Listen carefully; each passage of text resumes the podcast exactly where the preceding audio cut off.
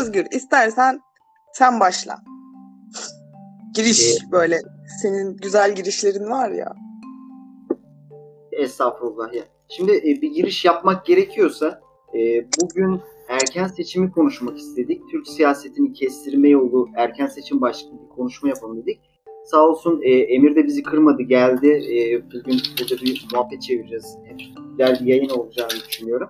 Şimdi biz bugün e, erken seçime bir kere e, erken seçim daha resmi olarak ilan edilmediği için hani olup olmayacağına yönelik bir e, tartışma üzerinden gideceğiz ilk başta.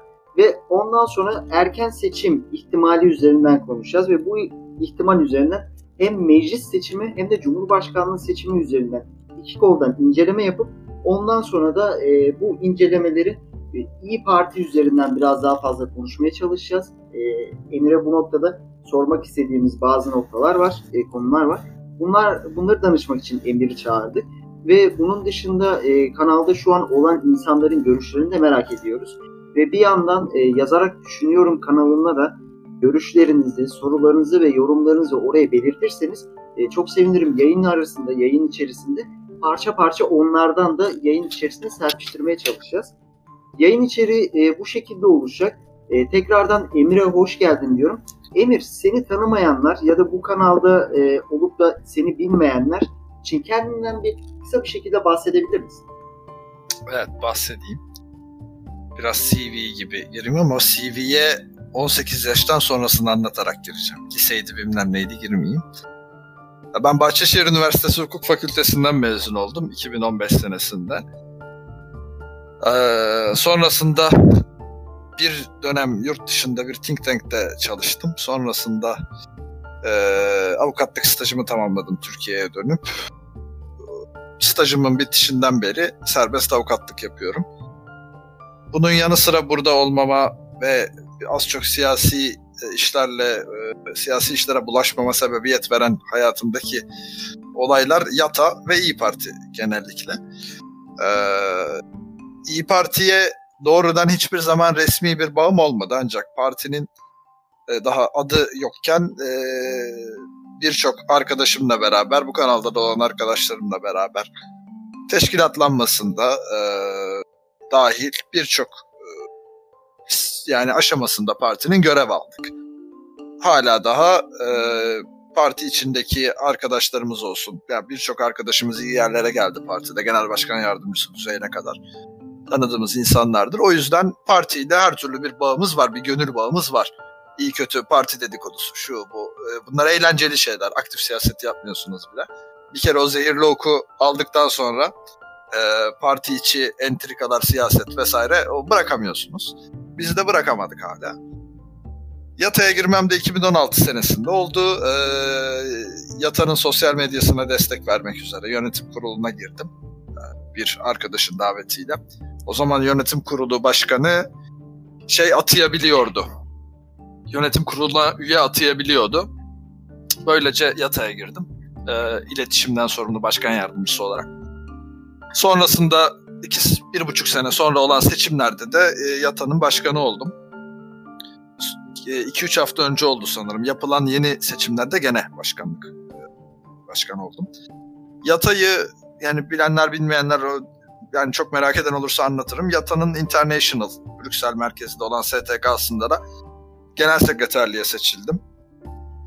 Ee, Yata'yı özet geçersem iyi olabilir. Tamam. Şimdi Yata 1955 e, yılında ilk olarak Atlantic Trade Association yani Atlantik Anlaşması Derneği olarak Brüksel'de kuruldu. NATO sivil diplomasi biriminin e, desteğiyle kuruldu. Doğrudan NATO ile organik bağı olduğu söylenemez ancak bir tavsiye kararı alındı. Bir STK desteklensin NATO'nun Atlantikçiliği yaymak için özetle. Brüksel'de bir Atlantik Anlaşması Derneği kuruldu. Ondan sonra bir alınan kararla da bütün ülkelerde birer Atlantik Anlaşması Derneği ismini kullanacak dernekler desteklenmeye veya kurulmaya başlandı. Mesela Bugün Bulgaristan'da Bulgar, Bulgar Avro-Atlantik Kulübü vardır. Bu uluslararası alanda ATA Bulgaria adını taşır. İşte Ata Bulgaristan diye. Türkiye'de de 65 yılında Türk Atlantik Konseyi Derneği kuruldu. E, derneğin çok yani üyeleri bugün aslında çok şaşıracağınız isimler. Yani General, Orgeneral Muhsin Batur bile bir dönem derneğin üyesi olmuş. Gazeteci e, Oktay Ekşi olsun. Birçok profesör, akademisyen, gazeteci hatta Nazlı Ilıcağ'ın bile adı geçiyor. Ben çok bunu e, söylemek istemem Nazlı Ilıcağ'ın bugünkü e, algısı sebebiyle ama bir dönem Nazlı Ilıcak bile üye olmuş. E, ondan sonra emekli büyükelçilerin daha çok kahvehane lokali gibi e, gene emekli olmalarına rağmen işte bir çeşit uluslararası bağlantıların devam ettirdiği bir dernek olarak kaldı. 1997 yılında ilk YATA kuruldu. 35 yaş altı e, genç profesyoneller diye geçen grup için daha çok gene akademisyen, gazeteci, özel sektörden vesaire insanları bir araya getirip işte NATO'nun sivil politikalarına e, yön vermek, işte NATO'nun e, açıkçası bir nevi policy maker değil ama e, tavsiye kararları verecek bir kurumlar haline dönüştürüldü. Öyle söyleyeyim. NATO'nun sivil ayağı diye geçer amiyane tabirle. 1997 yılında YATA ilk e, YATA International adıyla Brüksel'de kuruluyor. E, Türkiye'de 2005 senesinde kuruluyor. Hatta ilginç bir tesadüftür. Geçen bir arkadaş bunu keşfetmiş oradan dedi buradan ne komplo teorisi çıkar dedi. 15 Temmuz 2005'te kuruluyor YATA Türkiye'de. Ee, ilk başkanı, YATA'nın ilk başkanı olan Pelin Hanım şu an Dışişleri Bakanlığı'nda. Hala da Twitter'da bazı beni takip eden diplomatlar falan var. Bana yazıyorlar sonra bak ben de şu senede YATA'daydım bilmem ne gibi. Çok fazla dışişlerine e, memur gönderme gibi bir adet oluştu YATA'da. Tabii bu son 5-6 yıldır değişmiş vaziyette. Genelde özel sektörde kalıyor YATA'nın yöneticileri. Hatta bir tane genç kız vardı oyuncu. Ee, şu an adını hatırlamıyorum. 2009 senesinde o da genel sekreterlik yapmış mesela. Ee, Elvin e, Yata Genel Sekreterimiz e, Mustafa Eracar şu an yayında yazdı Elvin diye ama ben soyadını hatırlamıyorum. Elvin neydi? Neyse.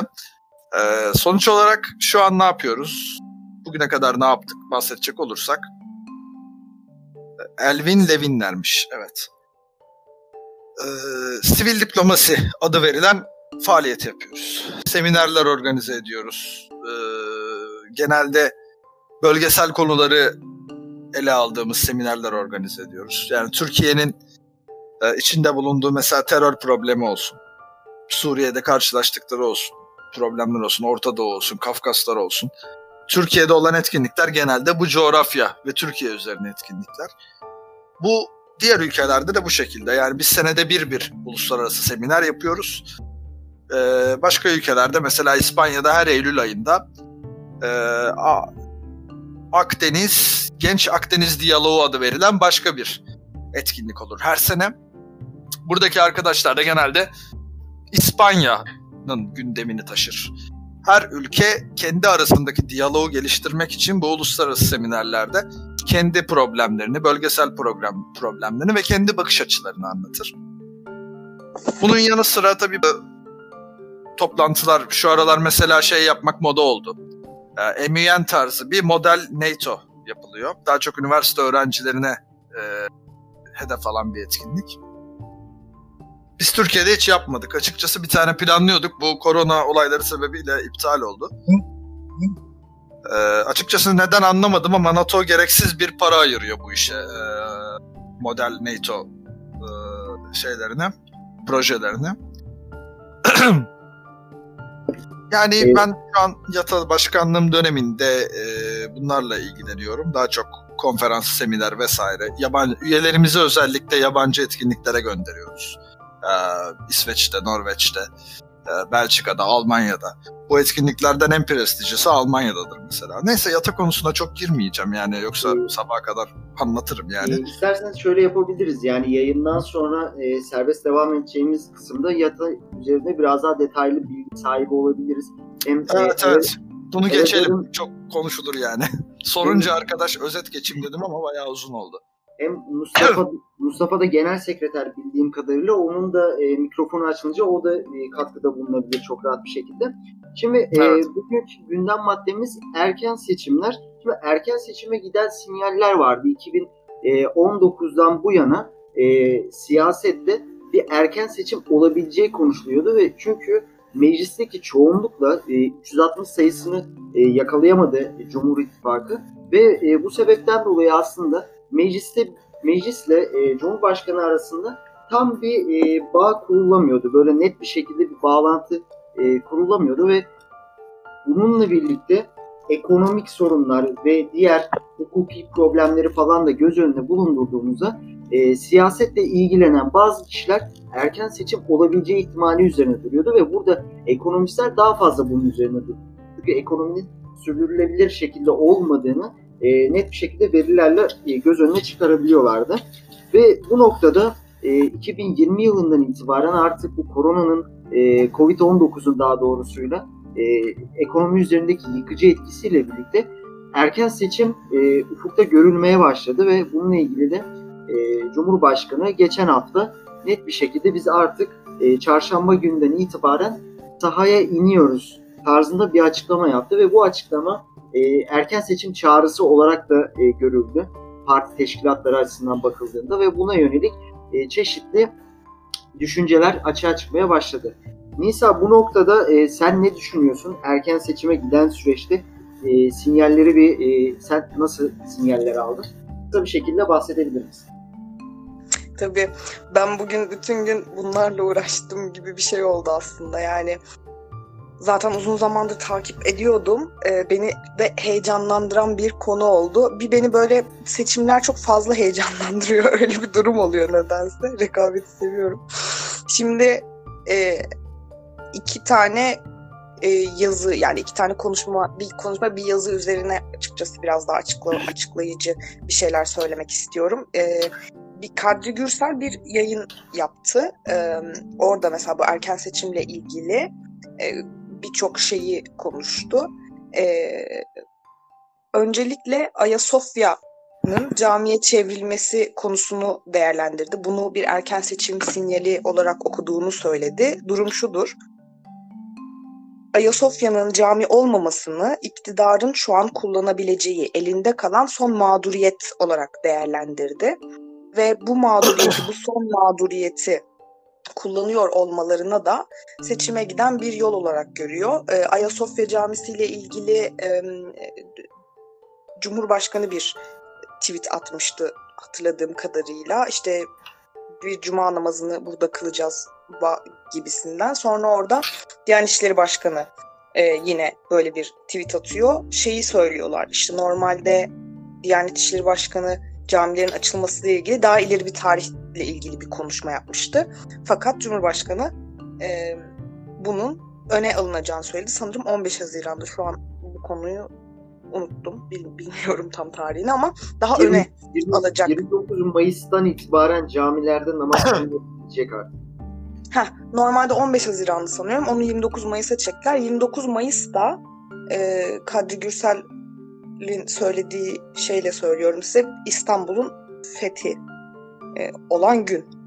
Dolayısıyla bunun, bütün bunların olmasını bir kere bir erken seçim hareketi olarak açıklıyor. Bu benim çok dikkatimi çekti. Bir de şunu söylüyor. İşte Cumhur İttifakı şu an e, bir yönetemediği bir yapıyı yönetemediği bir e, başkanlık sisteminin üstünde rodeo oynuyor diyor. E, öyle bir boğanın sanki üstünde kalmaya çalışıyormuş gibi bir böyle söylemi var. Bu da benim e, dikkatimi çekti ve e, iktidarın sıkıştığı zaman sürekli milliyetçi mesajlar vermesine yoğunlaşıyor. Yani e, biliyorsunuz seçim öncesi kampanyaları takip edenler daha iyi bilir. Sürekli bir işte bir kutsala, bir değere, dine, milliyetçi bir değere, bir şeye sürekli böyle bir e, selam çakar e, iktidar ya da bu kampanyayı yapan kişiler diyelim. E, bu bundan bundan sonrası e, Duvar gazetesine e, Kerem Yavaşcan'ın yazdığı bir yazı vardı. E, bilenler bilir kendisi de zaten kuzenim çok da sevdiğim bir arkadaş. O da e, erken seçim yani erken seçim sinyallerinin olduğunu özellikle e, işte İyi Parti, MHP ve e, AK Parti e, arasında geçen bu diyalogların erken seçim sinyali olduğunu söylüyor. Burada İyi Parti ile ilgili bir şey söylüyor. E, diyor ki e, İyi Parti'nin e, bu biliyorsunuz İyi Parti Millet İttifakı'nın e, Saadet Partisi'nden sonra diyelim küçük ortağı olarak gözüküyor. E, yani oradaki şeyin ittifakın en küçüğü diyor kendisi ve e, İyi Parti'nin HDP'ye karşı yaptığı açıklamayı biliyorsunuz. E, da çok dolaylı bir yoldan bile olsa HDP'nin PKK'nın bir uzantısı olarak gördüklerini söylemişlerdi. Dolayısıyla muhalefet e, bu ittifakın içinde olmaya ol, olmadığını resmi olarak belirtmek zorunda kalan ama aslında içinde olduğunu bildiğimiz bir partiyle arasını bozuyor İyi Parti ve e, bu da iktidarın işine yarayacak bir şey olarak değerlendiriliyor İyi Parti'nin bu açıklaması. Çünkü İyi Parti ileride deniyor ki İyi Parti ileride e, devanın geleceğin içinde olduğu ittifakın büyük oyuncusu olmayı hedefliyor gibi bir söylem var. Burada e, muhal eğer iktidar erken seçim istemiyorsa muhalefetin güçlenmesini e, en, engellemek için onları onların bir araya gelmesini zorlaştıracak hamleler yapacağı söyleniyor. Son olarak da değinmek istediğim hemen Emir'e vereceğim lafı. Son olarak da e, biliyorsunuz ki Devlet Bahçeli'nin bir seçim kanunu ve siyasi partiler kanunu ile ilgili bir değişiklik yapılması talebi vardı. E, MHP taleplerini çok alenen ve açık bir şekilde söyleyen bir parti ve ondan sonra hani ben lafımı bıraktım hadi bakalım duyan duysun dinleyen dinlesin iletişim tarzıyla gidiyor sürekli. Ve bu açıklamayı yapmasının da iktidarı çok sıkıştırdığı. Şimdi mesela ne yapacaklar? İşte şey konuşuluyor biliyorsunuz. Partiler arası milletvekillerinin geçişinin zorlaşacağı vesaire gibi şeyler konuşuluyor. E, lafı biraz böyle en sonunda İyi Parti'ye MHP'ye atarak e, Emircan'a hemen sormak istiyorum. Benim gördüğüm ve Özgür'ün de biraz e, gözlemlediği bizim gördüğümüz seçim sinyalleri açıkçası bunlar. Sen seçim sinyallerini görüyor musun? Nasıl değerlendiriyorsun ve özellikle İyi Parti'nin yaptığı bu hareketi nasıl değerlendiriyorsun? Öncelikle savunma yapmak gibi bir avukatlığa soyunmayayım ama şimdi bu HDP tartışması biraz Sırrı Süreyya Önder'in provokasyonundan sonra çıktı. Yani İyi Parti'de hep HDP'ye karşı bakış bellidir ama bir şey denmez. Çünkü e, şu bellidir zaten yani biz önceliğimiz bu hükümeti devir. Yok böyle bir önceliğimiz yoksa zaten MHP'de kalırdık. Çünkü MHP seçmeninin partisiyle olan bağı e, çok duygusal, çok yüksek bir bağlılık var. Yani hoş ben bugün bunu görüyorum biraz CHP seçmeninin partisiyle bağlılığı daha yüksek. E, aslında MHP seçmenine göre daha kötüleri de varmış diyorum ama e, hani o kadar duygusal ki bizim bir arkadaş İyi Parti'nin kongresine giderken yolda Türkeş'in e, mezarında arabayı durdurup üç ilerli rozetini şeye gömüp ağladı. Türkeş'in mezarına görüp gömüp ağladı. Böyle bir arkadaşımız vardı bizim. Yani e, o yüzden ne olursa olsun MHP tarafına yani e, bu ayrılıktan İyi Parti MHP ayrılığının hani gereksiz kılacak bir şey yapılmaz bu partide. Yani Cumhur İttifakı'na katılmak gibi. Ya da MHP ile aynı yere düşmek gibi. Şimdi HDP'ye bakış bellidir. Zaten MHP zamanında bile e, İyi Parti seçmeni dün MHP'deyken aynısına bakıyordu. Yani HDP arasına terörle mesafe koymadığı sürece biz bu partiyle bir araya gelmeyiz hiçbir şekilde. Bakış budur. Mesela Iğdır yerel seçimleri güzel bir örnekti. Ee, Iğdır'da MHP aday çıkardı. Ee, MHP adayına karşı HDP ve AKP adayı vardı. Ee, yanlış AKP'nin adayı var mıydı tam emin olamadım ama İyi Parti orada aday çıkarmadı ve MHP adayını destekledi. Böyle e, yerlerde yani gerekirse HDP'ye karşı MHP'yi destekleme konumuna düştü. Bunu da açıkçası hepimizin desteklediği bir şeydi. Çünkü açıkçası MHP'nin adayı İyi Partililerin de çok yakından tanıdığı, sevdiği biriydi. Ee, yani bu sebepten İyi Parti, e, AK Parti'nin adayı yokmuş. Teşekkürler Osman. Ee, HDP'ye karşı bakış bu. Yani HDP'nin Iğdır mesela stratejik olarak bakılıyordu. Böyle bir kazanım elde etmesi istenmedi. Ancak söz konusu e, şey olunca AKP olunca hep bakış şudur. Yani biz Bu adamlarla aynı yere gelemeyiz hiçbir şekilde. Bizim için aslında HDP ile aynı yere gelmek neyse AKP ile aynı yere gelmek de odur. E, aynı pozisyonda yer alamayacağımız partilerdir. Zaten biz AKP ile yan yana olmamak için bu partiyi kurduk. MHP'yi terk ettik. Bu kadar zor bir karar aldık ki MHP'yi ter- terk ettik. Bu sebepten e, ben açıkçası e, İyi Parti'nin HDP karşı olan tavrının e, bir nebze de doğru olduğunu ama şunu da görüyorum parti içinde. Parti sözcülerinden yani sadece Yavuz, Ara, Yavuz Aralioğlu'ndan bahsetmiyorum official sözcü olarak ama hani partiyi temsil eden Ümit Dikbayır mesela televizyona çıkar vesaire. Partinin yüzleri ısrarla HDP konusunu topu taca atmaya çalışır. Çünkü bizim seçmenimizin tavrı bellidir. Partili de bunu bilir ama bir şey demez. Yani seçmeni kızdır, kızdıracak açıklamalar yapmaktan kaçınır. Hoş, partili de zaten aşağı yukarı aynısını düşünmektedir ama e, seçmenle partili olmak biraz daha farklı şeyler. Sonuçta bizim seçmen şeye de kızıyor. E, bir iyi Partili bir yöneticinin bizzat bana anlattığını söylüyorum. Bu belediyeyi aldığımızdan beri diyor. Önce geliyorlar diyorlar ki ya bizim Zeytinburnu'nda bir işimiz var da bilmem ne inşaata ruhsat alamamışlar. Ertesi gün aynı adam geliyor diyor ki ya bu Ekrem'in karısının yanında Ekrem'in karısı şeyin yanında ne işi var diyor. İşte e, Demirtaş'ın karısının yanında ne işi var. Hani seçmen çok duygusal. Partili gene bunun farkında. E, siyaset gereği hareket etmeyin. Ama bir şekilde seçmen de oy veriyorsa sonuçta sana. Seçmeni tatmin etmen lazım. Bu yüzden e, kesinlikle HDP konusunda olumlu bir tavır beklemezsin İyi Parti'den. Gelmesin de çünkü oyları kaçırır yani kesinlikle. Ve hani şey de değil ha yani MHP'ye geri dönerler değil. Bizim seçmen çok acayip. Deva'ya, Deva Partisi'ne bile gidebilir. Hani Ama şey orada şimdi bizim aslında ım, şimdi seçmenle olan ilişki çok değerli. Bir burada mesela benim sana sa- sormak istediğim şey bu İyi Parti'nin aslında HDP'ye bu şeyini meşru meşru bir zemine oturtuyorsun. Okey ama e, ittifak açısından yani şimdi HDP sonuçta e, Millet İttifakı'nı e, o devam ettiğini varsayıyorsak eğer şeyde de 31 Mart seçimlerinde de e, birçok açıdan birçok e, şehirde e, desteklemiş. İşte alenen Demirtaş açıklama yaptı falan filan gibi olaylar var ya. Şimdi burada şey soruluyor aslında.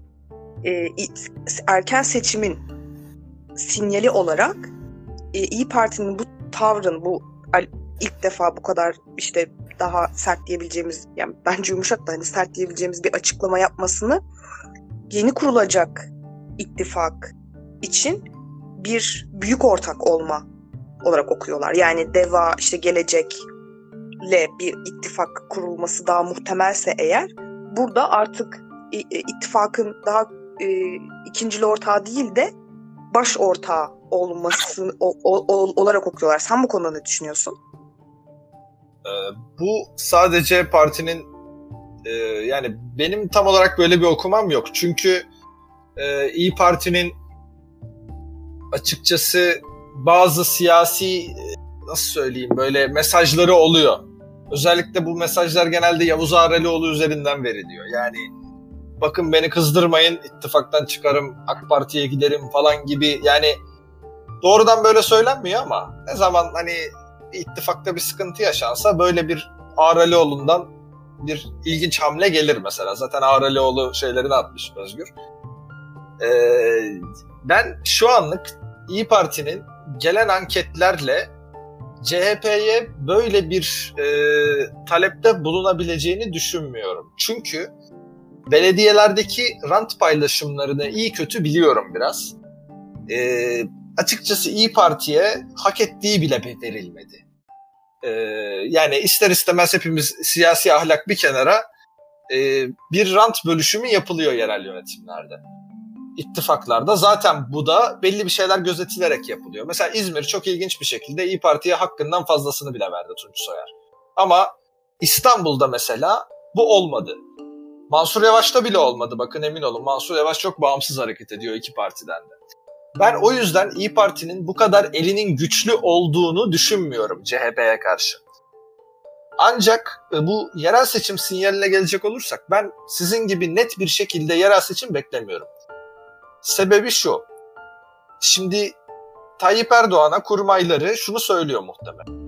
Kötüye bir gidiş olacak. Bu koronadan sonra ekonomiyi toparlayamayabiliriz.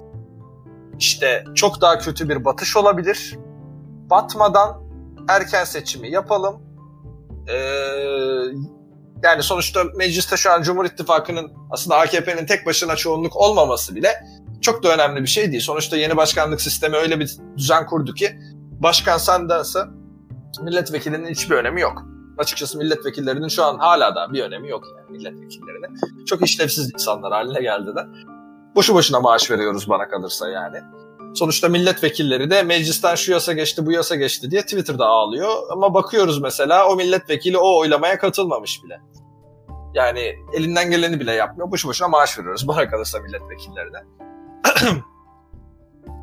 ben AK Parti'nin bu sahaya inme ve işte bir takım siyasi hamlelerde bulunmasını bir seçim yatırımı olarak görüyorum. Ama AK Parti bu seçim kararını hemen almayacaktır. Yani ben işte Ekim'de Kasım'da seçim var gibi görmüyorum. Önümüzdeki yani 2021'in Eylül'üne Ekim'ine bir seçim e, olabilir. Ancak bu tamamen e, önümüzdeki dönemi nasıl geçireceğimize bağlı. AK Parti mesela beklediği şekilde toparlanmayı yaparsa bundan kastım şu. E, yani biliyorsunuz Çin'in uluslararası toplumun Çin'e güveninin azalması sebebiyle birçok yatırım Türkiye'ye kayıyor tekstil dahil olmak üzere. Yani kayıyor derken e, oraya doğru bir geçiş seziyorlar. Yani çok fazla yatırım alacak Türkiye. Ekonomik çöküş biraz yavaşlayabilir. Hatta iyiye gitme bile söz konusu olabilir. Eğer bu küresel kriz iyi bir şekilde fırsata çevrilirse Türkiye açısından iyi olacak. E tabi Tayyip Erdoğan da bundan faydalanacak. Durup dururken erken seçime gidip e, başkanlık hakkı olan o iki yıl daha var o iki yılı çöpe atacağını zannetmiyorum. Sonuçta seçime gitmek AK Parti'ye tamam yeni bir heyecan, yeni bir kadro yenilenmesi, belki oy artışı kendi hesabına göre sağlayabilir. Ama bir yandan da iki yıl kaybettirecek Tayyip Erdoğan. Yani sonuçta Tayyip Erdoğan...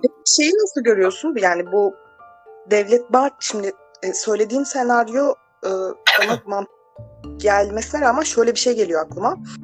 E, şu an Bahçeli'nin yani MHP'nin diyelim çok stratejik bir noktada olduğunu görüyorum ve e, Bahçeli'nin böyle bir açıklama yapması, seçim kanununda ve siyasi partiler kanununda değişiklik yapılmalı demesi e, bir iktidarda bir korku olduğu çok mevcut. Çünkü biliyorsunuz e, Babacan'a karşı hem MHP'nin hem e, er, Cumhurbaşkanı'nın böyle sert söylemleri olmuştu. Burada e, şöyle bir şey vardır bunu kime örnek verdi hatırlamıyorum. İzlediğim bir şeyde görmüştüm.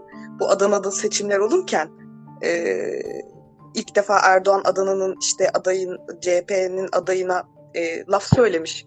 Sonra bu Adana e, belediye başkan adayının danışmanı mı artık kim bilmiyorum şey demiş. Ha Erdoğan bizi şimdi hedef aldı ya biz bu seçimi alırız.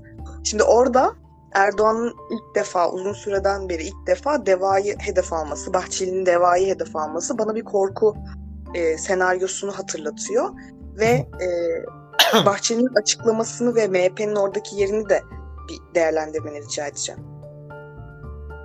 Ee, şimdi MHP'nin oyunu e, şöyle bir değerlendirelim. Biliyorsunuz MHP çok ilginç bir şekilde kimsenin beklemediği o dip dalga denen şey MHP'ye vurdu. Ve e, yüzde 11 civarı bir oy aldı. E, tabii şöyle bakmak gerekiyor. AK Parti'den bir kopuş oldu. Aslında İyi Parti seçmeni yerinde kalmış değildi. İyi Parti, MHP seçmeni ağırlıklı olarak İyi Parti'ye geçti. MHP de AK Parti'den bir oy aldı. Geniş bir oy aldı. Ee, bu seçmenin motivasyonu neydi? Bu seçmenin motivasyonu kesinlikle MHP'nin milliyetçilik, ülkücülük vesaire değildi. Bu merkez seçmen. Şimdi DEVA'nın kuruluşuyla e, geçen seçim MHP'ye vermiş insanlar DEVA'ya eğilim gösterebilir. Ben bizzat yakın çevremden söyleyeyim. Ee, iki tane arkadaşım, iki arkadaşım biliyorum eski AK Partiliydi. Seçimlerde şeye verdiler, e, MHP'ye verdiler, Cumhurbaşkanlığında Erdoğan'a verdiler. Şimdi biri devanın üyesi, öbürü de işte ya işte sonunda kuruldu da vesaire gibi. Hani FETÖ'cü değiller. Ee, açıkçası AK Parti döneminde bir dönem ihale yemiş, artık yiyemeyen ve bundan rahatsızlık duyan insanlar. İşte parti çok bozuldu diye MHP'ye verdiler. Tayyip Erdoğan'la bir dertleri yoktu. Ama MHP'ye verdiler. Çünkü parti çok bozuldu. Niye? Parti kadroları artık bunlara yedirmiyor. Hani çok amiyane konuşuyorum ama öyle bir sosyal sınıf var. AK Parti'den bu sebepten rahatsız olup devaya kayılması muhtemel bir kesim var. Bunun yanı sıra e, MHP bundan korkuyor. Yavaştan kendi oyları da kayabilir. Ki İyi Parti'ye de kayabilir. İyi Parti'ye ve DEVA'ya MHP'den bir oy kayışı olacak kesin gibi. Sadece AK Parti'den oy kayışı olmayacak. Ee, MHP'nin bu açıkçası e, şeyini, kork korkusunu buna bağlıyor. Genelde de MHP yani Tayyip Erdoğan genelde kendi yapmak istediği şeyleri hep başkalarına yaptırır. Yani o kişiye prim vermemek için. Aynı Nisa'nın dediği gibi. Ee, mesela Meral Akşener'le uğraşma görevi Doğu Perinçek'indir. Hep Vatan Partisi Doğu Perinçek ekranlarda uğraşır Meral Akşener'le. Ee, benzer şekilde Devlet Bahçeli'ye şimdi Babacan'la uğraşma misyonu yüklenmiş ki Babacan'la polemik genelde Devlet Bahçeli tarafından. Tayyip Erdoğan bir açıklama yaptı mı ben görmedim. Ee, yaptıysa çok ilginç tabii. Hani e, ilk kez ya Tayyip Erdoğan bir kere bu kadın falan dedi Meral Akşener'e. Onun dışında işte seçim döneminde hiç dikkate almadı. Yokmuş gibi davrandı. Çünkü o Bay Kemal'e vurup oradan e, oy toplamanın peşinde. Çünkü Bay Kemal bir figür olarak zaten halkın sevmediği bir karakter. E, dolayısıyla sağ seçmene bir tane Kılıçdaroğlu fotoğrafı gösterip bakın Bay Kemal ne kadar komik merdivene ters bindi deyip oy alabilen bir adam. O onunla uğraşmayı seviyor.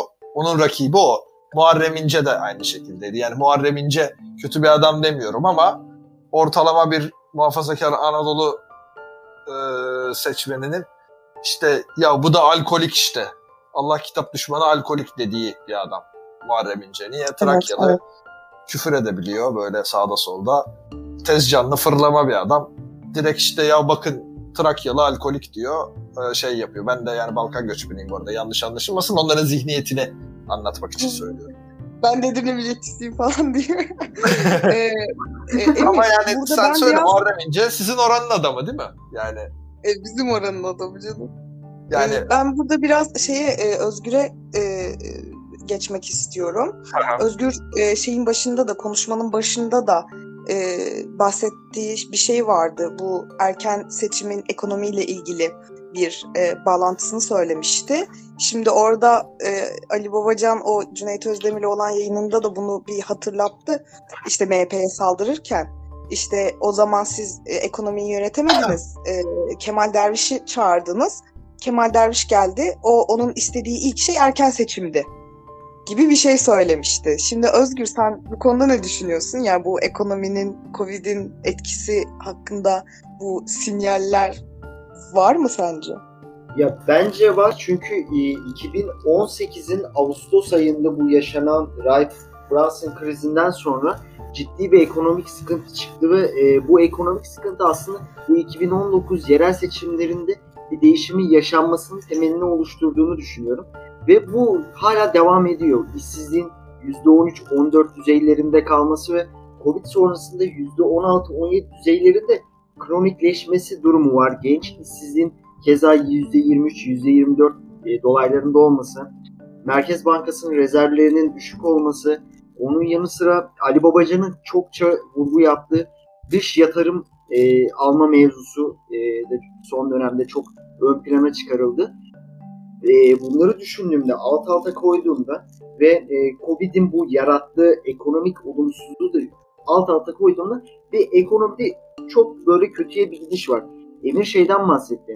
Tüm dünyadaki kriz döneminde bazı yatırımların bize kayabileceğinden bahsetti ama bu yatırımların kayması için e, belli bir ortamın, belli bir sağlıklı yapının kurulmuş olması ve tahsis edilmiş olması lazım.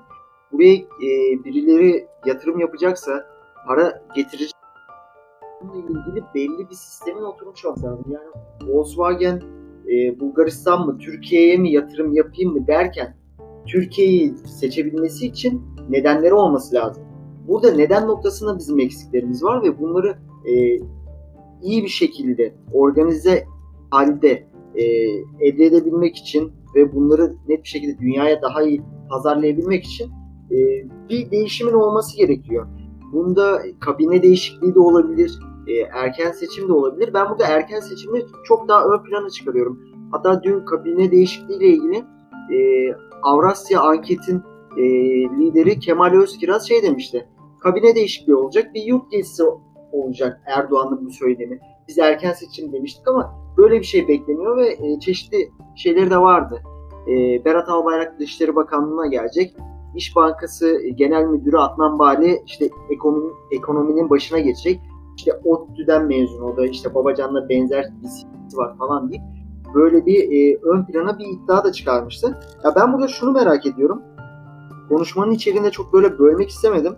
E, Emir dedi ki şu anda başkanlık kimdeyse e, sistemde bir sıkıntı olmayacak dedi. Burada e, muhalefetin çoğunluğu elde ettiği bir e, şey olursa, sistem olursa, yani AK Parti e, burada muhalefete düşerse, muhalif kesim çoğunluğu iktidarı alırsa mecliste, mecliste e, Cumhurbaşkanıyla bir çatışma durumu olursa burada nasıl bir süreç olur sence? E, ben bunu merak ediyorum. E, Şöyle bunun... söyleyeyim. Ha. Buyurun. Sorun, sorun tamam mı? Sorum tamam yani. Devam ederiz. Meclisin sadece ve sadece bütçeyi onaylaması lazım. Cumhurbaşkanının hazırlayıp gönderdiği bütçeyi. Şayet e, Cumhurbaşkanının gönderdiği bütçe onaylanmazsa meclis tarafından o zaman bir hani Amerika'daki government shutdown gibi bir kriz yaşanabilir. Onun dışında e, hiçbir şekilde mecliste muhalefetin çoğunluk olmasının bir önemi yok. Ha bir de erken seçim yapabilir şey meclis. E, bu ikisi dışında mecliste muhalefetin çoğunluk olmasının açıkçası çok bir önemi yok. Ama zaten matematiksel olarak da şey e, 3-5 vekil oynar. Eğer Cumhurbaşkanı AK Parti'dense Millet İttifakı ancak 3-4 vekil farkla önde olabilir Cumhur'dan. E, yani bu da ben açıkçası sadece CHP seçmenine de bir şey demek istemiyorum ama bu sağ seçmene, sağ milletvekiline de güven olmaz. Bizim vekil gitti MHP şeyinin elini öptü yani Bahçeli'nin. Ee, güneş motel olayı gibi bir şey tertiplenip bir transferde yapılır. Yani AK Parti her türlü entrikayı yapmış bir parti sonuçta. Çıkarır reis bizzat hazinesinden 5-6 e, milyon ateşler bir tane milletvekilini alır. Ya bu da olmayacak şey değil. Ee, biz çok hani anayasa çerçevesinde bir yorum yapıyoruz ama tabii siyaset entrika aslında. Ee, ben tabii dediğim gibi Meclis Millet İttifakı çoğunluk olsa bile Cumhurbaşkanlığının alınmadığı sürece bir önemi olacağını düşünmüyorum. Ya bu noktada ben benim bunu deme sebebim e, bu Cumhurbaşkanı'nın çıkardığı kararnamelerle, meclisin çıkardığı kanunlarla çatışma durumu olduğunda meclisin çıkardığı kanunların biraz daha üst bir konumda yer alması bir olumsuz doğurabilir ve meclis aslında çoğunluğu muhalefetten oluşursa bu yetkisini olumsuz bir şekilde yansıtabilir. Bu e, bütçe görüşmeleri, ya bütçe aşaması dışında. Ben e, biraz e, bundan dolayı demiştim. Hatta son dönemde Anayasa Mahkemesi'nin kararnamelerle ilgili kararlarında da e, böyle bir durum vardı. Hatta Cumhurbaşkanlığı kararnamesiyle ilgili açıklanmayan e, böyle bir flu bırakılan alan da olmuştu eğer böyle bir durum olursa diye. Ya, e, tabii burada siyaset biraz daha ön planda olacak ve olası böyle bir e, kriz durumunda yeni bir e, senaryo daha çizilebilir ama ya burada bir de şeyi merak ediyorum. E, son dönemde e, İyi Parti HDP mevzuna değinmiştiniz. Ben orada araya giremedim. AK Parti karşıtlığı ve HDP karşıtlığından bahsetmiştim. Şimdi e, İyi Parti'de öncelikli olan hangisi? E, AK Parti karşıtlığı ise bizim bu e, don seçim sisteminde e, AK Parti alaşağı edebil, edebilmemiz için tamamıyla edilebilmesi için daha doğrusu e, olabildiğince maksimum oya ulaşılması gerekiyor ki e, AK Parti ve e, MHP ikilisi daha az sandalye alabilsin ve e, Cumhurbaşkanlığı seçiminde de e, muhalefette ikinci aday olarak kalabilsin diye e, böyle bir don sisteminde bir birleşme olması gerekiyor. Ve bu birleşmede HDP'nin e, bir şekilde bu ittifaka eklemlenmiş olması e, İyi Partililer için ne kadar kabul edilebilir? E, AK Parti karşılığı mı daha fazla yoksa HDP karşılığı mı daha fazla olur? Bunu biraz daha açabilirsen çok sevinirim. Şimdi e, öncelikle şeyden bahsedeyim şu KYK meselesinden. Şimdi bu OHAL KYK'ları tabii bir ara gündemimizdeydi. Her gün KYK e, ile uyanıyorduk. Ancak şöyle de bir durum var. Cumhurbaşkanlığı KYK'ları e, sadece belli başlı konularda yapılabilir. Yani me- mecliste yapılmış o konuda bir kanun yoksa bir kanun boşluğunu doldurmak için yapılabilir vesaire. Onun dışındaki KYK'lar işte atama KYK'sıdır, şudur budur. Bu sebepten e, Cumhurbaşkanlığının hani sürekli KYK yapıp meclis yerine geçeceği senaryosu mantıklı değil yani öyle bir şey olmaz anayasa gereği. Ee, diğer konuya gelecek olursak şimdi bunu sadece İyi Parti açısından değil şöyle de düşünmemiz lazım. Şimdi evet seçim sistemi en çok alana yarıyor ama e, şöyle de bir durum var. Yani CHP üyesisiniz, milletvekili adayı olacaksınız. İstanbul'da 8. sıraya kadar siz alabiliyorsunuz. Ama HDP bu ittifaka girerse e, bu sınırdaki vekiller öyle de bir durum var bakın. Sınırdaki vekiller CHP'den değil de HDP'ye yazılabiliyor. Yani o seçim sistemi tamamen belki HDP'yi biraz daha kurtarıyor ama e, ittifaktaki diğer partileri de biraz e, zorlayan bir durum. Yani tamam partinin belki çok umurunda değil 80 vekil çıkarmak da 75 vekil çıkarmak ama parti içerisinde böyle bir tartışmada yaşanabilir. Bunun yanı sıra İyi Parti'nin bakışına gelecek olursak kesinlikle seçmene resmi bir ittifak kabul ettirilemez. Gerekirse illa bulurlar ittifak dışında bir parti gider oraya verirler çok oy vermek istiyorlarsa. Ee, ama HDP'nin de doğrudan içeride yer alacağı bir ittifakı kabul edeceğini zannetmiyorum İyi, İyi Parti'nin. Hani bu AK Parti kesin e, yani şöyle deseniz adamlara AK Parti kesin devrilecek ama kesin devrilecek. E, devrildikten sonra e, biz bu adamlara kabinede yer vermeyeceğiz. Sadece stratejik amaçlı olarak bu birliği yapıyoruz dense belki kabul edilebilir.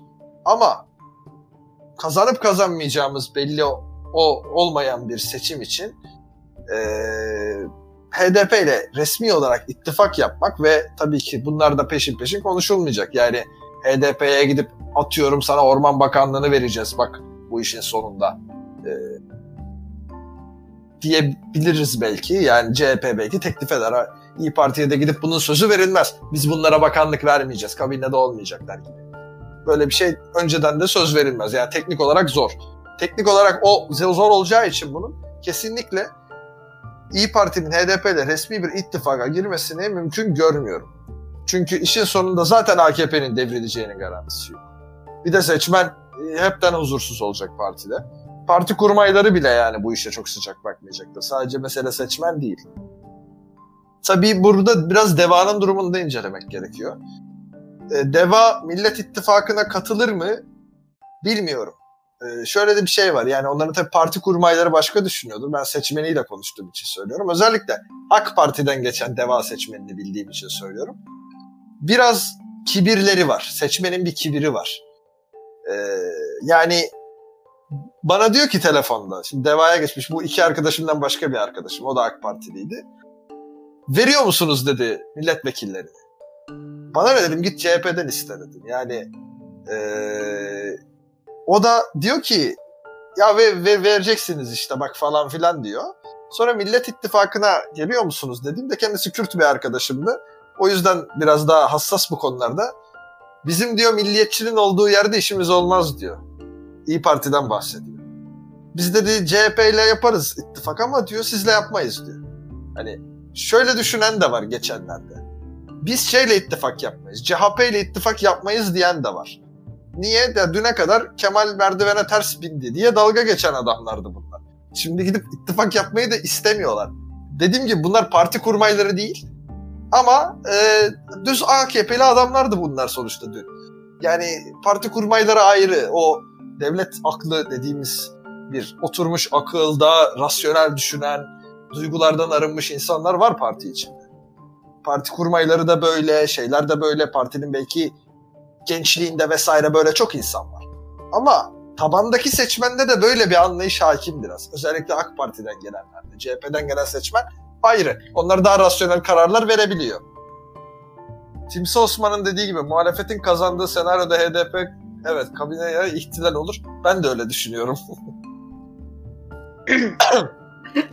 Ee, şimdi ya bu noktada e, Nisa'ya e, topu sana atmak istiyorum. E, senin bu noktada Emir'e sormak istediğin bir su var mı? E, onu dile getirirsen sevinirim. Evet evet E, yayının böyle şimdi 40 dakika mı oldu diyelim. 45 dakika mı oldu? Hemen başladık herhalde. Olmuştur herhalde. Yaklaşık bir 45 dakika oldu. Okey o zaman son yani bize ayrılan sürenin sonrasında serbest olarak konuşmamız devam edecek ama bize ayrılan sürenin son 15 dakikasında ben Tamam. konuyu biraz daha şeye getirmek istiyorum. Erken seçimin olacağını varsaydığımız bir senaryoya getirmek istiyorum. Burada özellikle tabii Emir e, hukuk, hukuk bilgisiyle de e, orantılı bir şekilde bize destek verecektir. Ben e, şimdi eğer erken seçim olursa bir kere şöyle bir durum var. Ee, yanlış bilmiyorsam en az e, erken seçim açıklandıktan en az 45 en fazla 90 gün sonra bu erken seçimin yapılması gerekiyor. Şimdi biz e, Özgür'le de bugün konuşuyorduk. Biraz verilere bak şeylere baktım. Milletvekili oranlarına baktım. Şimdi iki tane senaryo var bizim gördüğümüz Emir. Birincisi bu erken seçimin kararının meclisin alması bu eğer meclis karar alacaksa e, mecliste şu an AK Parti ve Millet e, şey Milliyetçi Hareket Partisi'nin toplamda 340 milletvekili var. 291 AK Parti'nin, 49 MHP'nin. Bir tane de BDP'li bir e, yani o ittifak devam ediyor diyorsak bir tane de BDP'li biri var. Dolayısıyla 360 olmadan meclisteki e, oy sayısı erken seçim kararı alınamıyor. İkinci senaryoda da Cumhurbaşkanı'nın e, erken seçime karar verebildiği bir senaryo. Fakat burada da e, bugün Özgür bana bahsetmişti. E, iki dönem mevzusu var Cumhurbaşkanı. iki dönem sadece Cumhurbaşkanlığı yapabilmesiyle ilgili bir mevzu var anayasada. Böyle bir e, şerh düşülmüş. Bazıları burada e, yani başkanlık referandumundan sonra ikinciye Cumhurbaşkanı seçilmedi. Başkanlık referandumundan sonra bir olarak sayılmasını ve evet bu seçim kararını alabileceğini söylüyorlar. Ha şöyle anlatayım. Seçim kararı alabilir yine ama Cumhurbaşkanı adayı olamaz. İki dönem senaryosu mü- mümkünse eğer. İstersen Bazıları da diyor ki e, direkt anayasada e, maddesini söyleyeyim yani. E, 101. madde Cumhurbaşkanı adaylık ve seçimiyle ilgili ikinci fıkrada Cumhurbaşkanının görev süresi 5 yıldır. Bir kimse en fazla iki defa Cumhurbaşkanı seçilebilir diyor. Şimdi bu maddeyi yorumlarken biz e, Erdoğan'ın seçilmesini 2014'ten başladık bir dönem yaptı olarak mı alacağız? E, yoksa e, biz sistem değişti. Bundan sonra e, değişen anayasayla birlikte bu değişimden sonraki süreci mi baştan alacağız? Bu bir tartışma noktası olacak. Bu noktada senin e, görüşünü merak ediyorum. Hani Cumhurbaşkanı'nın olası erken seçim kararı aldığı takdirde e, Cumhurbaşkanı adayı olup olamama noktasında sen ne düşünüyorsun? Anayasa Mahkemesi'ne e, eğer bu konu taşınırsa e, hangi görüş daha ağır basar? E, bu noktada sen ne düşünüyorsun? Biraz e, bunu merak ettik. E, Erdoğan'ın olası adaylığında karşı cephede kim aday olur ya da adaylar kim olur falan. Biraz bunun üzerine de muhabbet etmek istiyoruz. O yüzden e, konuyu bu, to- bu noktasında topu sana atalım. Şimdi bir arkadaşım uyardı. CHP'den CHP AK Parti, AKP'den AK Parti diye bahsediyorsun. Tayyip Erdoğan'ın dili seni esir almış yazdı. Kesinlikle alakası yok. Bir Deva Partisi'nin AK Parti'den geçen seçmeninden bahsederken CHP dedim bilerek yani. Öyle bakıyorlar diye. Ben CHP'li bir arkadaşım Önder Saf orada CHP demenden, CHP demenden ofend oldum diyor. Özür dilerim kendisinden. Şimdi e, öncelikle meclisin karar almasıyla Cumhurbaşkanının karar alması dönem kuralını değiştirmiyor. Zaten biliyorsunuz Cumhurbaşkanı seçimiyle meclis seçimi aynı anda yapılıyor yeni anayasal düzene göre. Yani ben mi yanlış biliyorum acaba hani tamam hukukçuyum da anayasa hukukçusu değilim. Sadece referandum dönemindeki tartışmaları hatırlıyorum. Şöyle bir fark var. Meclis seçim kararı alırsa ve Cumhurbaşkanı ikinci dönemindeyse yeniden aday olabiliyor. Ama bu durum Cumhurbaşkanı tarafından erken seçim kararı alınırsa aynı şekilde ilerlemiyor. Öyle bir fark Bu var. açıkça yazıyor mu anayasada? Evet yazıyor. O yorumdur tamamen 367 olayı gibi diyor Önder Sav. Önder Sav da hukukçu bu Ee, ama ben bir okuyayım o maddeyi o zaman. Tabii şöyle bakmak lazım. Mecliste bu erken seçim kararını almak kolay değil. Hem sayısal olarak bir sıkıntı var. İş CHP'lileri gaza getirmekle e, çözülüyor. Şöyle bir sıkıntı var. Normalde sistem değişmiş olsa bile Cumhurbaşkanı devlet başkanı olarak evet iki kere seçilmiş oluyor. Dolayısıyla bir daha aday olamıyor. Ama bu AK Parti medyası özellikle başkanlık sistemi geldiğinden ve Erdoğan tekrar seçildiğinden beri Başkan Erdoğan, Başkan Erdoğan gibi bir vurgu ile yapıyor. Bunu bir e, siyaset üstadı sayabileceğim bir genç bir e, arkadaşımdan öğrendim. Bu tesadüf değil demişti. Yani bunun farkında AK Parti buna hazırlık yapıyorlar. Ee, sistem değişti diyecekler. 2013'ü saymayacaklar diyordu. Özellikle talimatla bu şekilde Cumhurbaşkanı değil başkan deniyor. Sanki yeni bir kurum oluşmuş gibi. Dolayısıyla Tayyip Erdoğan kendi seçim kararı alsa bile tekrar aday olabilir. Bunların iddiasına göre. Bunu ne yapacak? Anayasa Mahkemesi'nin karar vermesi gerekir bu durumda. Eğer Anayasa Mahkemesi e, yani vicdanlı hukukçulardan oluşuyorsa e, başkanım, reisim, cumhurbaşkanım gibi herhangi bir yani reis desene şef uydursun kendine milli şef desin. Şu an İsmet Paşa'ya laf çakmış gibi oldu ama yani kendine ne sıfat takarsan tak sen bu devletin başısın sonuçta. Ee, aslında bunun değişmemesi gerekiyor. 2013'ün birinci dönem, 2017'nin e, ikinci dönem olarak yani 2014-2018'di sanırım pardon. Dönemlerin böyle kabul edilmesi gerekiyor ki e, bir daha aday olamaması lazım. Ancak işte AK Partili kurmaylar başka bir e, şey hazırlığında. Evet, bu senaryoda hazırlıklılar ama ben Anayasa Mahkemesi'nden pek umutlu değilim açıkçası. Ne konuda umutlu değilsin Anayasa Mahkemesi'nden? Yani eğer bu anayasa maddesi giderse bu bu adam şimdi yeni sistemde başkan oldu. Dolayısıyla üçüncü kez aday olabilir mi tartışması. Anayasa Mahkemesi'lik bir tartışma. Yani bu mecliste çözülecek bir şey değil. Medyada, basında e, Ahmet Altan, Ahmet Hakan'ın programında çözülecek bir şey değil. Bu tartışmayı Anayasa Mahkemesi'nin el atması lazım. Ama o da belli ki e, Anayasa Mahkemesi'nden AK Parti aleyhine bir karar çıkmaz. Hmm. Bunu bu kadar net söyleyebiliyor muyuz ya? Of arkadaşlar. Ne o zaman niye evet. hukukun üstünlüğü endeksinde e, 109. sıradayız da en altta değiliz falan. Anlamıyorum. ya bir şey söyleyebilir miyim? Bu şey em, seçim senaryosunu yani bu erken seçim olacak ama buna aslında şöyle bir soruya cevap verdik burada. Erken seçim olsa kim karar verecek? Nasıl karar verecek senaryosunda? Çok güzel bir şey söyledin orada bak kafamı açtın. Eee muhalefet partilerini ikna etmek. Yani aslında gaz, ikna etmek demedin, gaza getirmek dedin. Bu güzel bir laf. Yani e, şey gibi hadi hodri meydana yiğitler. Tamam hadi istediniz erken seçim kararı aldık muhabbetinde. Evet yani CHP'liler iktidar senaryoda şimdi olacağına... onlar Evet. mı onları gaza getirmiş oluyor yoksa muhalefet mi AK Parti'yi aslında dolaylı yoldan gaza getirmiş oluyor? Çünkü hepimizin sanırım ortak düşüncesi erken seçim olursa işler çok zor. Yani yeniden iktidar olmak. Bir de bugün şöyle bir şey duydum. Şöyle bir şey okudum. E, bunu izledim artık bilmiyorum. E, sen dedin ya artık Cumhurbaşkanı'nın hani kim olacağı çok fark etmiyor gibi bir şey söyledin. Yani orada AK Parti'nin şey hani meclis çok da e, Ha, meclis çok önemli değil. Kesinlikle öyle bir şey söyledim. Şimdi burada bir, bir e, söz duydum ki şöyle bir şey söylüyor. E, atıyorum mesela Erdoğan seçim oldu tamam mı? Erdoğan tekrar seçildi. Fakat mecliste hiçbir şekilde bir ağırlık yok. E, dolayısıyla hem halk önünde hem de meclis önünde e, Erdoğan'ın işte ne derler ona?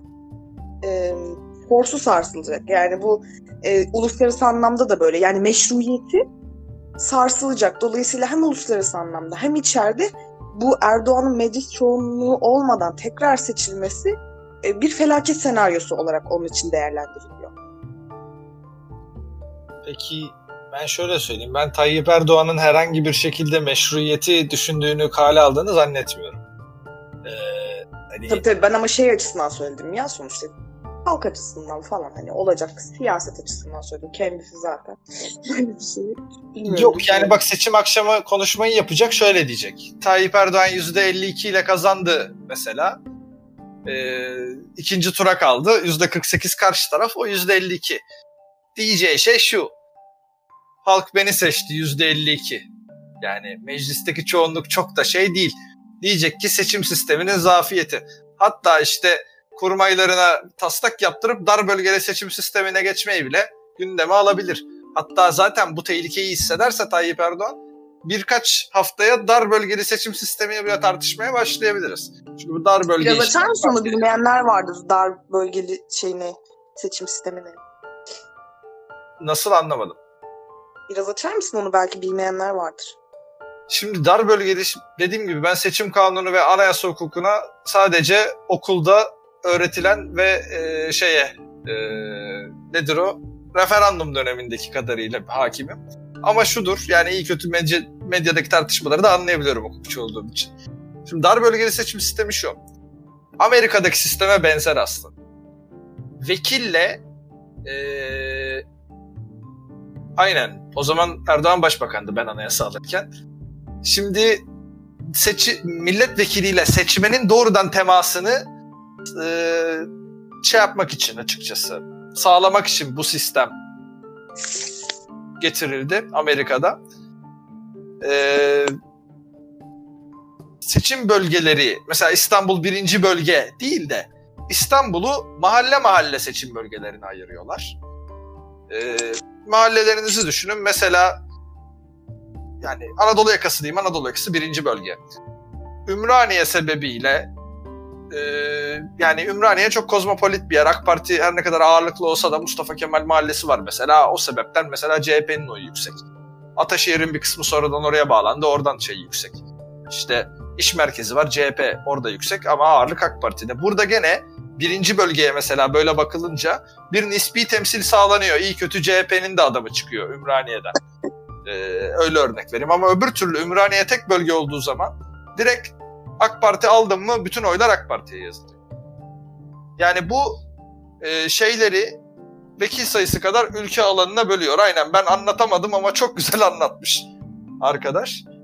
Böyle olunca ne, zaten toplumda ağırlıklı bir parti varsa e, o siyasi parti direkt avantajlı başlıyor. Şimdi Nispi'de en azından İyi Parti gibi, MHP gibi, Saadet Partisi gibi e, minör partiler diyeyim avantajlı. Neden? İşte birinci bölgede Saadet Partisi'nin her mahalleden 10 tane adamı olsa bunların hepsinin oyu bir vekil edebiliyor. Ama dar bölgede öyle bir şey yok. Geçmiş olsun. Yani sen Ümraniye'de 10 tane, Üsküdar'da 10 tane seçmenin olsa ne olacak? Yani sonuçta çoğunluğu aldın mı AK Parti alıyor gidiyor. Bu yüzden küçük partiler biter. Ee, bu HDP'ye yarar, CHP'ye ve AK Parti'ye yarar. Ve HDP'ye açıkçası e, inanılmaz bir avantaj sağlar, öyle söyleyeyim. Yani AK Parti doğuda vekil falan çıkaramaz. Ama bunu da gerekirse göze alır. E, çünkü Mehmet Cavit Bey önemli bir arkadaşımız bu yayında müdahale etti hayır diye bir bildiği vardır muhtemelen. Bu benim konuşmama müdahale etti bilmiyorum ama ha, bana değil tamam. Ee, Mehmet Cavit Bey sen aslında bu konu hakkında bir yorum yap. Var mı gündemde? Sen daha iyi bilirsin bu konuyu. Gündemde bir e, dar bölge var mı? Hocam e, Mehmet Cavit Bey'den şey yorum beklerken e, Eracar'ın, Mustafa'nın çok güzel bir sorusu var. E, benim de aklımda olan bir soru. E, İyi Parti teşkilatlanma aşamasındayken seçim yapılmasının olumsuz bir etkisi olmuştu. E, yeni kurulan partilerle ilgili de aynı uygulama e, yeni kurulan partilere karşı da kullanılabilir mi diye bir soru var. E, bu soru hakkında ne düşünüyorsun? Yani tabii zaten Devlet Bahçeli'nin isteği aslında bir baskın seçim ve dolayısıyla İyi Partili İyi Parti'ye yapılanın bunlara da yapılması. Ee, bakmayın İyi Parti gene o seçimden çok sağlam çıktı. Bu sayede bugün hala bir e, parti olarak ayakta. Ama baskın seçimde böyle yüzde üç falan oy alsaydı bugün İyi Parti yoktu mesela. Orada şöyle bir şey var bir de değil mi? Mesela Davutoğlu Cüneyt Özdemir'e çıkmıştı. Ee, şeyi açıkladı 52 il ilde teşkilatlandıklarını ve hala devam ettiklerini mesela 6 ay oldu onların kurulalı partisi. Onu açıkladı. Deva'da da şöyle durum. Bayramdan sonra açıklayacağız teşkilatları dediler. Ee, orada yine ya sayıyı tam bilmiyorum kulağıma da gelmedi ama yine böyle e, yüksek bir rakam bekleniyor aslında. Şimdi bir de şeyi söylemiştim ya Emir.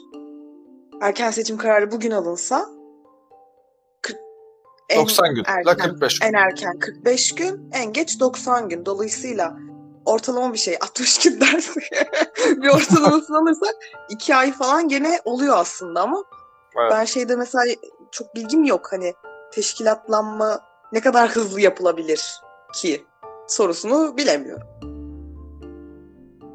Yani İyi Parti'den az çok tecrübe etmiş biri olarak söyleyeyim. Bizim seçmen teşkilatlanmayı da bilir. Zaten hep bununla gurur duyar teşkilatçı niteliğiyle. O yüzden açıkçası baskın seçime girildiğimizde bizim şöyle bir itirazımız yoktu. Ay biz şurada teşkilatlanamadık, şurada eksiklik bilmem ne. Ben açıkçası İyi Parti'nin toparlan, toparlanmış bir se- şekilde seçime girdiğini hatta partinin daha teşkilatlanırken zaten o heyecanı vardı seçmende. Parti kurma heyecanı seçime o gazla girildi. Belki iyi bile oldu. Zaten mobilize olmuş gruplar bu sefer de seçime şey yaptı. e, Kendini hazırladı ve girdi. Hazır o gazı almışken. Ee, diğer soru neydi ya? Şey ha, Era, Eracar'ın sorusu unuttum. E, şöyle Bak Deva ve Gelecek şöyle Partisi yapalım. Özgür sen de okeysen resmi olarak kayıtlı yayını şimdi bir kapatalım. Daha mikrofonları açmadan soru cevaba geçelim. Aha. Ee, ondan sonra da mikrofonları açıp yorumları alabiliriz. Ne dersiniz? bana uyar. Benim için sıkıntı yok.